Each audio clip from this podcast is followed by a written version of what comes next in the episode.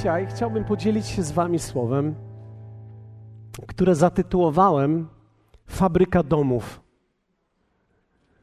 Fabryka domów.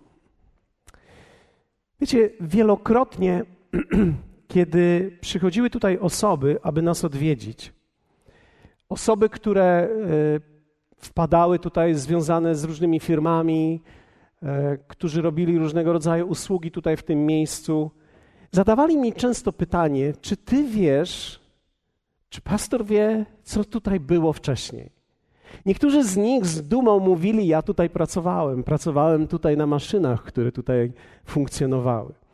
I oczywiście, że wiedziałem, co tutaj było, i jakoś tak, może z początku nawet nie przywiązywałem do tego specjalnie uwagi, co tutaj było, co to za różnica. Teraz jest kościół, mamy salę, i to wszystko tak naprawdę kończy etap pewien, jest, była pewna historia. Ale oni tak przychodzili do mnie i z taką dumą mówili, że tutaj pracowali, że tutaj coś się działo i mówili, wiesz, tutaj była fabryka domów. W tym miejscu, w którym dzisiaj siedzicie. Tu była fabryka domów. Tak naprawdę pamiętam kiedy jeszcze wchodziliśmy po raz pierwszy tutaj, były jeszcze pozostałości po tych maszynach, które tutaj były. To były tworzone i budowane prefabrykaty do budowy tych domów.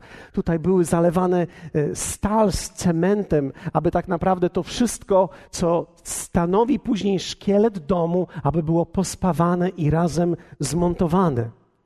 I w ostatnim miesiącu tak się składa, że kilka osób podeszło do mnie z tych panów, którzy tutaj też i pracowali, powiedzieli: Ja tutaj pracowałem i tutaj była fabryka domów. I pomyślałem sobie, że być może to nie jest przypadkowe. Lub przynajmniej, że istnieje w tym pewne przesłanie dla nas. Tak po prostu pomyślałem. Fabryka domów. Kiedy spojrzymy na Słowo Boże, spojrzałem na słowo dom i wiecie, w Biblii dom pojawia się 1292 razy bez odmian. To jest dużo. Powiedzmy razem dużo. 1292 razy, nie licząc wszystkich odmian tego słowa. Pierwszy raz słowo dom pojawia się w kontekście Noego kiedy Bóg mówi: Cały dom Twój ma wejść do arki. Cały dom Twój ma wejść do arki. Nie będziesz uratowany tylko Ty, ale będziesz uratowany Ty i cały Twój dom, cały Twój dobytek. To wszystko, co jest Twoje i co należy do Ciebie, co moglibyśmy nazwać domem, ma wejść do arki.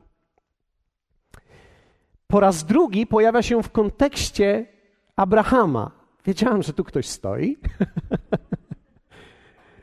po raz drugi pojawia się w kontekście Abrahama, który miał opuścić swój rodzinny dom. A więc z jednej strony mamy dom, który miał być uratowany, a z drugiej strony mamy człowieka imieniu Abraham, Abram wcześniej, który miał opuścić swój dom. Miał opuścić swój dom po to, żeby znaleźć zupełnie nowy dom, gdyż Bóg powiedział do niego: Mam dla ciebie nowy dom. I to jest ciekawe, bo to jest przykład dla tych, którzy myślą, że starych drzew się nie przesadza. Bóg zaczął od przesadzania starego drzewa, ponieważ wiedział, że drzewo choćby stare, dopóki nie znajdzie domu, naprawdę nie może być owocne. Niektórzy ludzie mówią czasami, starych drzew się nie przesadza, mając na myśli nie zmienię swoich poglądów, nie zmienię swojej tradycji ale wiecie, w rzeczywistości tak naprawdę walczymy czasami o coś, czego nie znamy, gdyż Bóg i Jego pragnienie zawsze względem nas było takie, On chciał zaprowadzić nas i wziąć nas wszystkich do swojego domu. On zawsze chciał wziąć nas, ludzi, do swojego domu. Bóg działał zawsze w obrębie domu.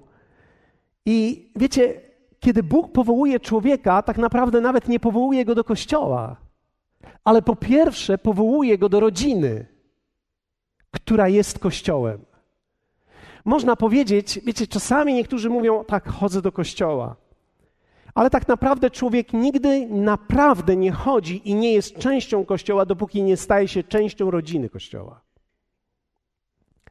Dlatego, że można chodzić do kościoła i nie być częścią rodziny kościoła, i wtedy nie jesteś tak naprawdę w kościele, bo nie jesteś w rodzinie Bóg nie powołuje nas do kościoła i do nazw, Bóg powołuje nas do rodziny, Bóg powołuje nas do domu.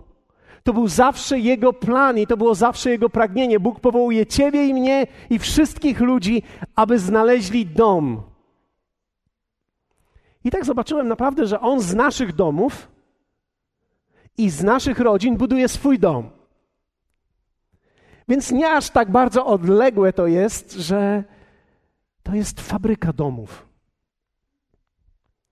Fabryka domów, do której Bóg powołuje nas, abyśmy my stawali się Jego domem. Dawid w Psalmie 23, werset 6 mówi: Dobro ci łaska Twoja towarzyszyć mi będą przez wszystkie dni życia mego. I mówi: I zamieszkam w domu Pana przez długie dni. Zamieszkam w domu Pana przez długie dni. Moim domem będzie Twój dom i dlatego dobro Ci łaska będzie mi towarzyszyć. Dawid innymi słowy mówi tak, ponieważ znalazłem swój dom i mój dom to jest Twój dom i wszystko cokolwiek jest moim domem będzie również Twoim domem, dobro Ci łaska będą mi towarzyszyć. W psalmie 26 natomiast w wersecie 8 mówi, Panie, umiłowałem mieszkanie domu Twego i miejsce przebywania chwały Twojej. Dawid mówi, o pewnych emocjach i uczuciach, które są związane z domem. Powiecie, dom tworzy emocje i tworzy uczucia. Ja nie chcę być dzisiaj specjalnie tkliwy, ani specjalnie się wzruszać, ale wierzcie mi, dom powoduje wzruszenie. Kiedy człowiek po długim czasie wraca do domu, dom powoduje wzruszenie. Dlatego, że w końcu człowiek jest w domu. Dzisiaj wiem, że dzisiejszego wieczoru albo wczoraj, przepraszam, wczoraj wieczorem, niektórzy wrócili do domu i jestem przekonany, że kiedy wrócili, był element wzruszenia w nich, ponieważ długo nie widzieli swojej rodziny. Jest coś szczególnego, kiedy człowiek wraca do domu, który jest prawdziwym domem, poczuciem pewnego bezpieczeństwa. Czasami kojarzą nam się tutaj domy naszych babć, naszych dziadków, gdzie my całą naszą rodziną jakby łączyliśmy się razem jechaliśmy do tej babci naszej ukochanej i tak naprawdę u tej babci czuliśmy, że jest jakaś taki atmosfera, która nas wzrusza, która jest jakaś podniosła, pewne poczucie bezpieczeństwa, które jest związane tak naprawdę tylko z domem. Niektórzy ludzie tego doświadczyli. Niektórzy ludzie mieli ten przywilej, żeby mieć takie domy. Nie każdy, ale niektórzy mieli takie domy. Dzisiaj żyjemy w świecie, gdzie o zdrowe domy jest coraz trudniej. Ludzie żyją coraz bardziej w dystansie i to jest znak czasu, że tak naprawdę domy są oddzielone, podzielone, małżeństwa odsunięte od siebie, dzieci odsunięte od rodziców. Wiele zranień jest dzisiaj ale dom ma szczególne miejsce. I wiecie, jestem przekonany, że dom to nie jest budynek. I my nigdy, myślę, że tutaj nie tworzyliśmy żadnej przesady w tym, że budowaliśmy mieszkanie, dom, miejsce chwały Bożej,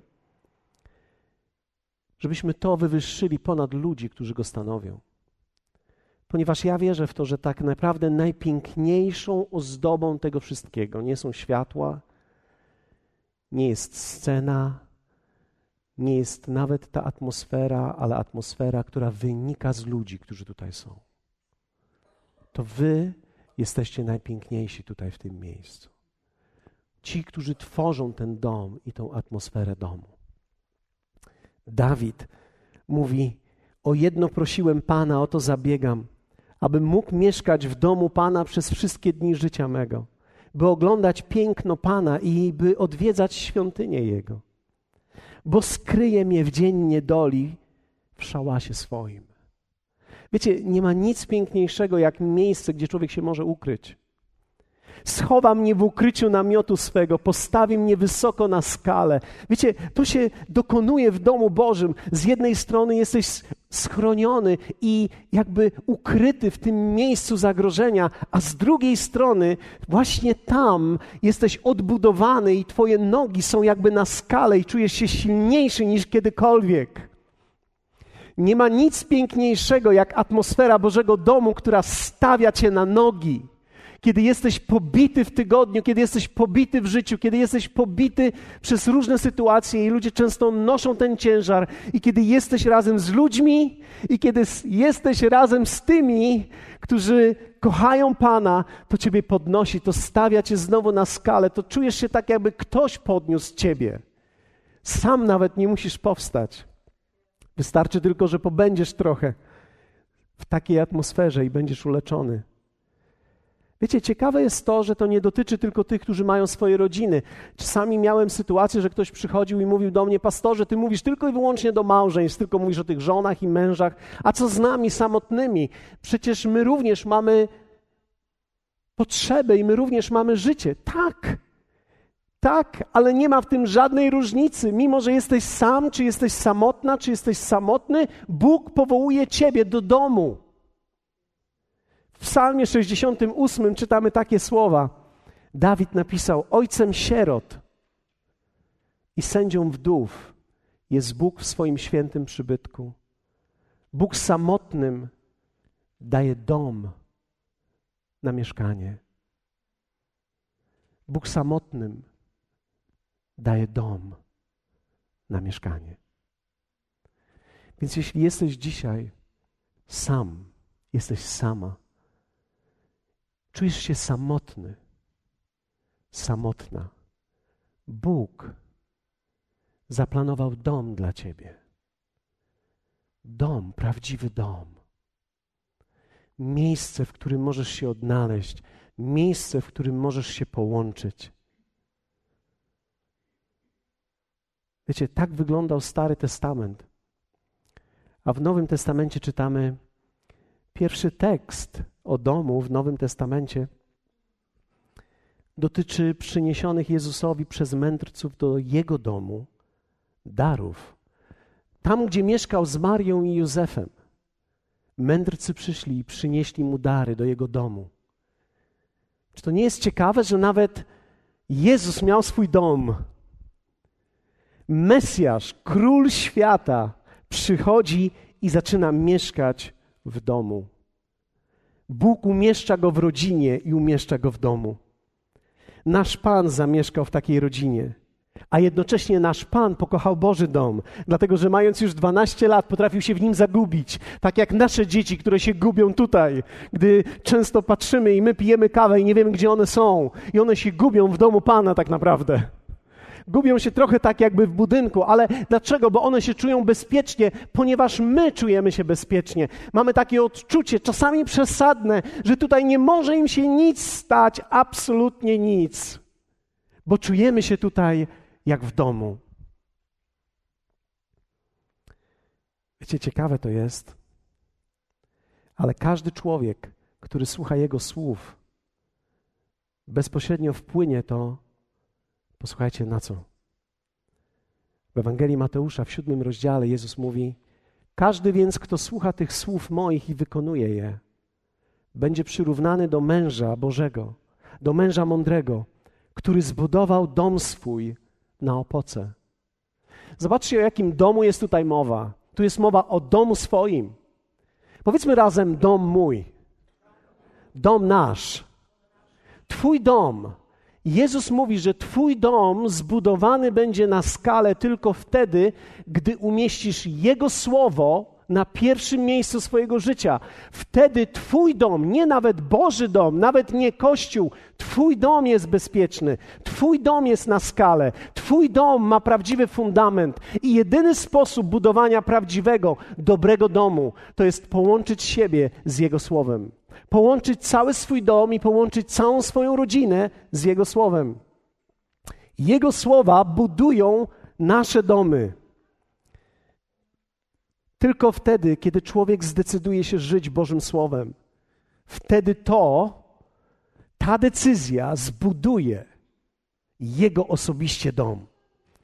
Wiecie, nikt tak nie cierpi w życiu, jak cierpienie z powodu braku domu albo konfliktu w rodzinie. Wiecie, że gdybyśmy mieli powiedzieć o największym cierpieniu człowieka, to cierpienie to rzadko kiedy jest chorobą, rzadko kiedy cierpienie jest jakąś sytuacją trudną. Najtrudniejsza rzecz to jest gdy dom jest rozbity i gdy człowiek nie ma domu. Gdy małżeństwo się rozbija, jest to trudne, jest to ciężkie, ludzie przeżywają to najbardziej. Ludzie przeżywają to w ciężki sposób, kiedy są sami, kiedy nie mają domu. Ale też nikt nie jest bardziej szczęśliwy, jak ten, kto może to szczęście dzielić z innymi. Wiecie, że szczęście to jest tak naprawdę nic osobistego, ale szczęście ma zawsze wymiar wspólnotowy. Jakie to szczęście, kiedy człowiek sam siedzi i się cieszy? Człowiek tak naprawdę tylko wtedy się cieszy, kiedy może się z tym podzielić.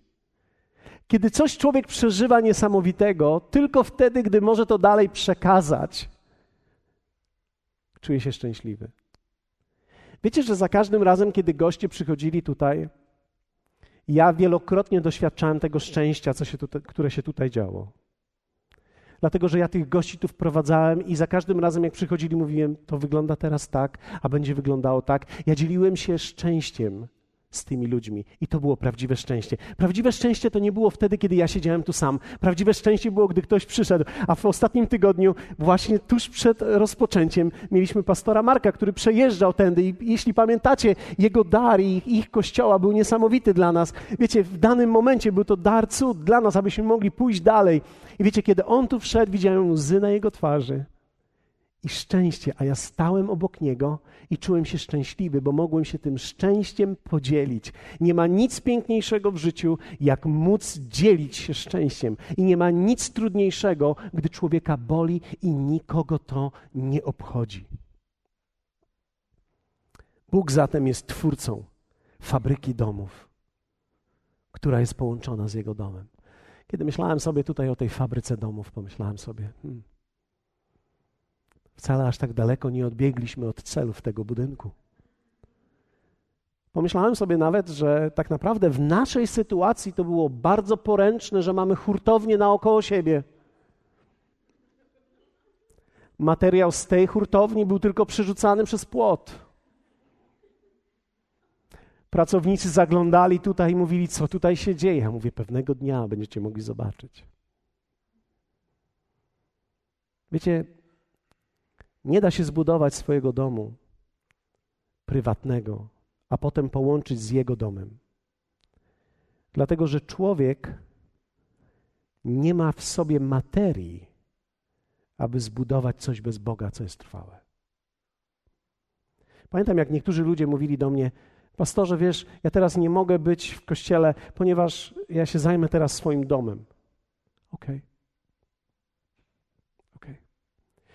I wiecie, tak jak człowiek ma prawo do swojego życia, tak każdy człowiek będzie miał zawsze prawo, ale zobaczyłem jedno, że za każdym razem, kiedy człowiek myśli, że sam może coś zrobić bez materii Bożej w swoim życiu, skazuje się na upadek.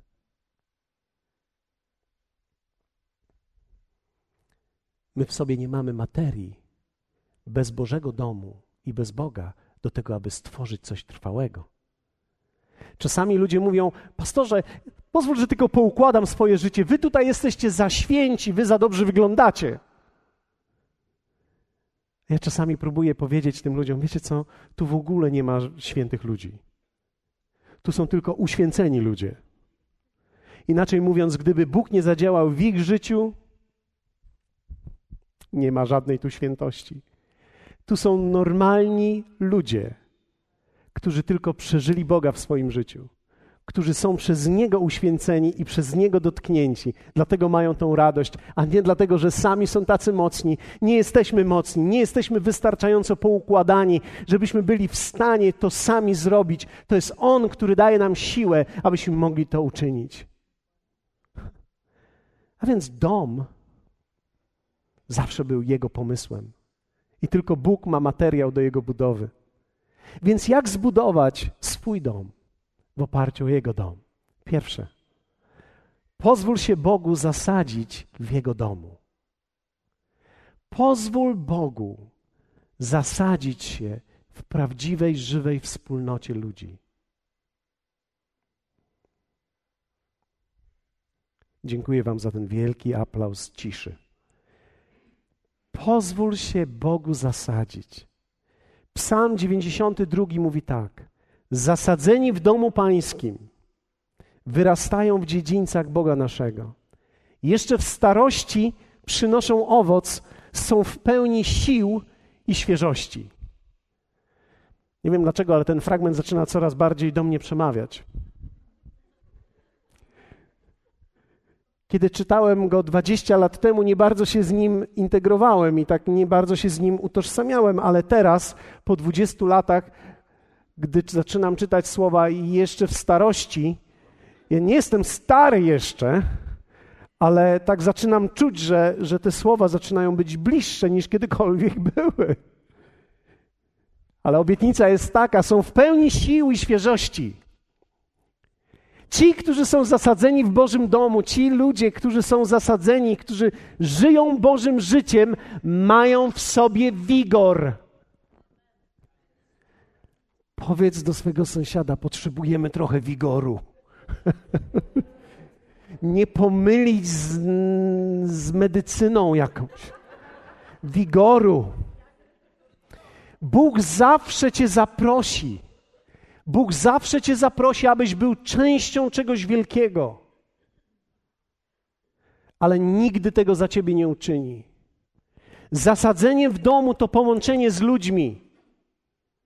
Dlatego, że kiedy w domu nie będziesz miał przyjaciół i ludzi, z którymi się łączysz, to nigdy nie będzie Twój dom. Wiecie, można chodzić do kościoła i nigdy się z ludźmi nie połączyć, i nigdy nie będziesz miał domu, i nie będziesz wiedział, o czym mówię. To jest więcej niż chodzenie na spotkania. Spotkania są wspaniałe, ale wierzcie mi, w ciągu tygodnia jest długi tydzień życia, i jeśli z nikim nie jesteś połączony z domu Bożego,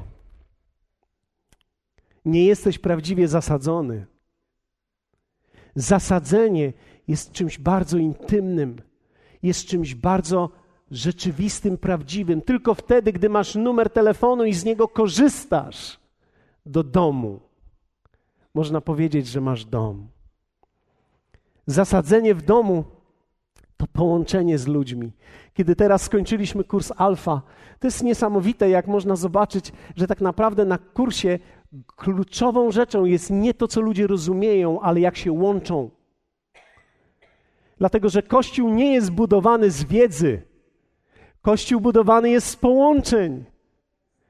To połączenie z ludźmi, połączenie z rodziną daje prawdziwe życie.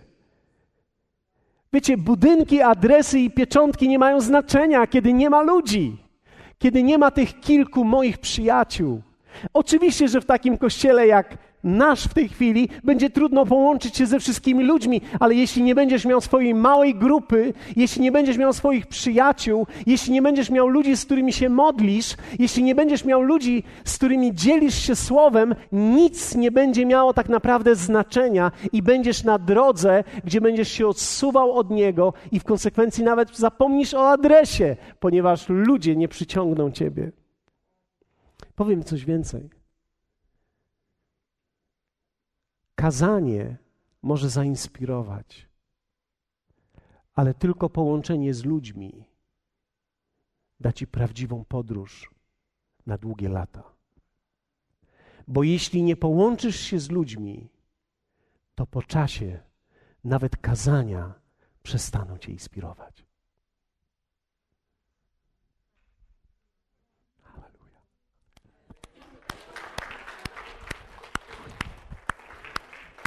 Kazania przestaną inspirować. Dlatego, że wszystko to, co nie jest wprowadzane w życie, umiera. Wszystko to, co nie reaguje życiem, umiera. Więc jak być połączonym? Pozwól się Bogu zasadzić w Jego domu. Drugie, uwaga, uwaga, drugie. Ja mam jeszcze 10 minut, uwaga. Przebaczaj często Przebaczaj szybko i przebaczaj wszystkim. Przebaczaj, powiedzmy razem przebaczaj. Często. Ktoś może powiedzieć: Ja nie muszę przebaczać często. Musisz. To jest przyczyna, dla której tak wyglądasz, jak wyglądasz. Ja nie muszę nikomu przebaczać. Posłuchaj siebie. No właśnie o to chodzi. Ja nie muszę nikomu. To jest właśnie to, jest efekt nieprzebaczania. Już się na tyle wyizolowałeś, że już teraz burczysz, nie mówisz. Ja nie muszę, nie będę. No, no. Przebaczaj często, abyś był wolny od zgorzknienia. Często. Mojej żonie przebaczam każdego dnia wiele razy.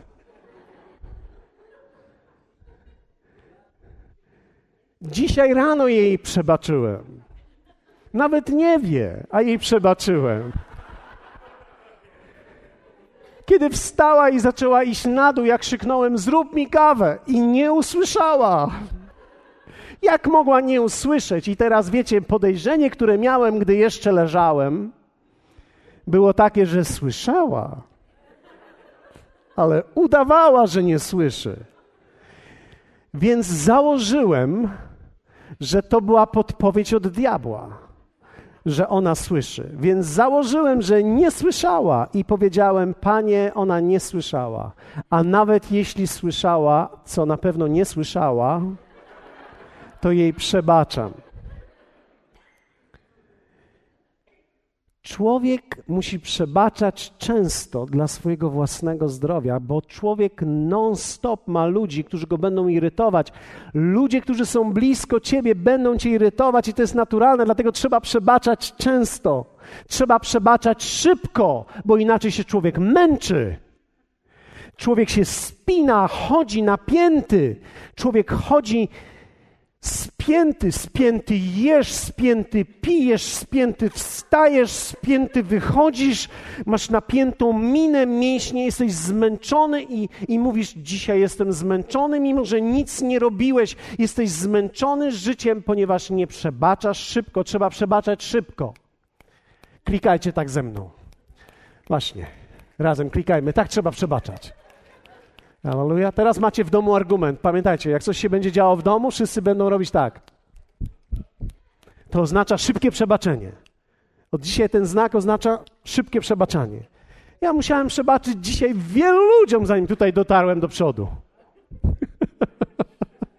Ktoś może powiedzieć, to jest niemożliwe. Tak, musiałem im przebaczyć, dlatego że jest niemożliwe, żeby ludzie zrobili dokładnie tak, jakbyś chciał, wszystko we, we, według Twojej opinii najlepszej. Dlatego też nie jest możliwe, aby być połączonym z ludźmi, kiedy człowiek szybko nie przebacza. Powiedzmy razem, szybko. I teraz jeszcze wszystkim. A wszystkim to już jest trudniejsze. Dlaczego? Bo bo wiecie, czasami mamy ludzi, którzy nas bardziej irytują, więc przebaczam temu, no bo z tym tutaj żyję, przebaczam temu, no bo jest blisko, przebaczam tej, no bo to moja mama. Dzisiaj rano nawet mojej mamie musiałem przebaczyć ona o tym nie wie, to jest najgorsze.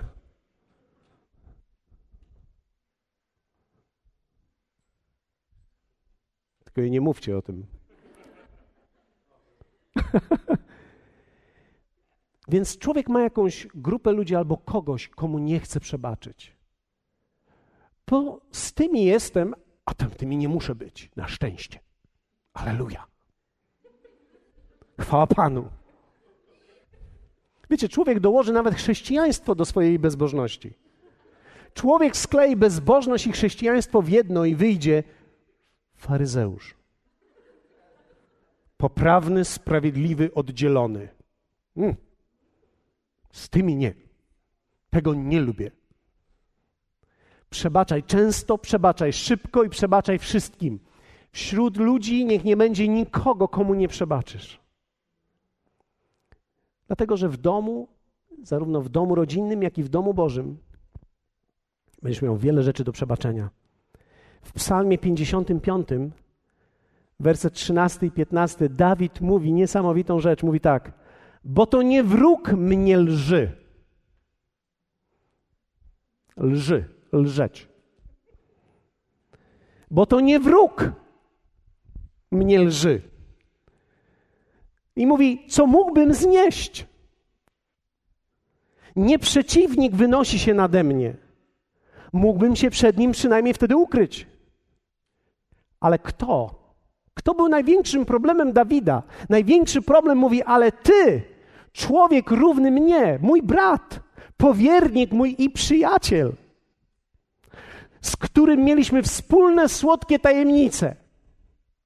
Do domu Bożego chodziliśmy w tłumie, siedzieliśmy w tej samym rzędzie.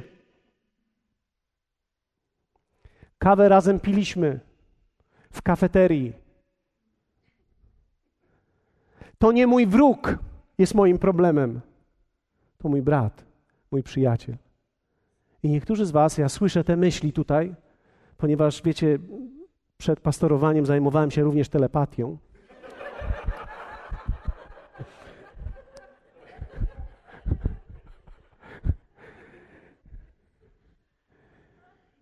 Nie, niektórzy mówią, no właśnie, no właśnie, to mój brat. 15-20 lat go znam. No i w tym jest właśnie problem. Przebaczaj często, przebaczaj wszystkim i przebaczaj zawsze. Wiecie, prawdziwa miłość to umiejętność przyjęcia prawdziwego bólu. W tym tygodniu miałem okazję rozmawiać z Kubą. Niektórzy z Was znają Kubę. Kolosa. Po nazwisku teraz pojadę. I Kuba powiedział: O, pastorze, będziesz moim przyjacielem. Ja mówię: Nie chcesz, żebym był Twoim przyjacielem. Dlatego, że tylko przyjaciołom jestem w stanie zadać tyle bólu, co nikomu. A więc ja będę, Kuba, od dzisiaj bólem w Twoim życiu. Ale teraz posłuchajcie. Prawdziwa miłość to umiejętność przyjęcia prawdziwego bólu. Dlatego rodzice chorego dziecka zmienią całe swoje życie, aby dziecku pomóc. Bo miłość nie ucieka przed bólem i niewygodą. Kiedy naprawdę kochamy, nie uciekamy przed bólem. Jesteśmy gotowi zadać ból dla dobra. Jesteśmy gotowi przyjąć ból bo kochamy. Dlatego ten człowiek, którego naprawdę miłuje, nie może trwale zranić. Spotykam czasami matkę, która wierzy o swoich synów. No, synowie tacy, żebym. Halleluja. Ale rozmawiam z tą matką, a ona z drżeniem i z łzami mówi do mnie: Pastorze, czy mógłbyś się modlić o moich synów? Prawdziwa miłość jest gotowa przyjąć ból i nie odsunie się od tego, który ją rani, ale będzie ciągle szukała dobra. Czy wiesz, że nie jesteś w stanie zranić Boga na tyle, aby On się od ciebie odsunął? on nigdy się nie odsunie.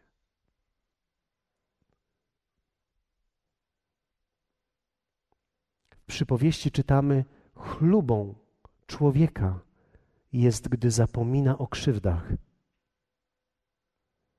A apostoł Paweł w liście do Kalacjan, kiedy przyszedł do tego kościoła, który sam założył i zobaczył, co się tam dzieje, że same złe rzeczy się dzieją w tym kościele, on powiedział: Dzieci moje,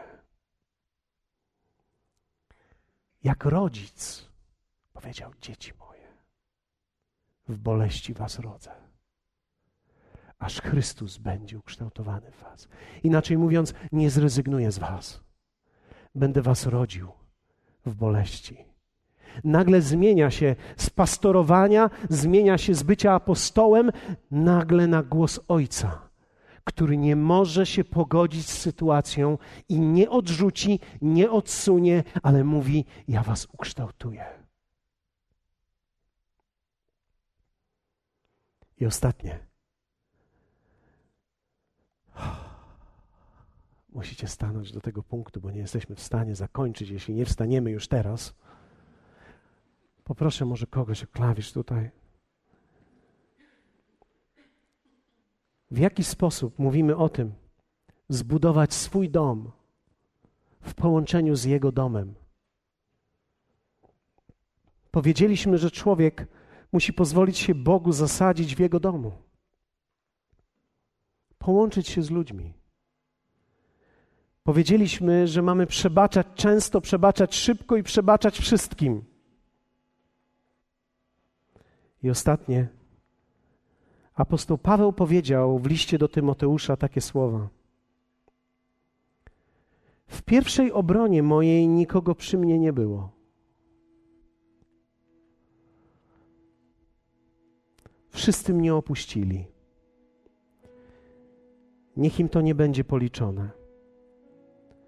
Mówi dalej, ale Pan stał przy mnie i dodał mi sił, aby przeze mnie dopełnione było zwiastowanie Ewangelii, aby je słyszeli wszyscy poganie i zostałem wyrwany z paszczy lwiej.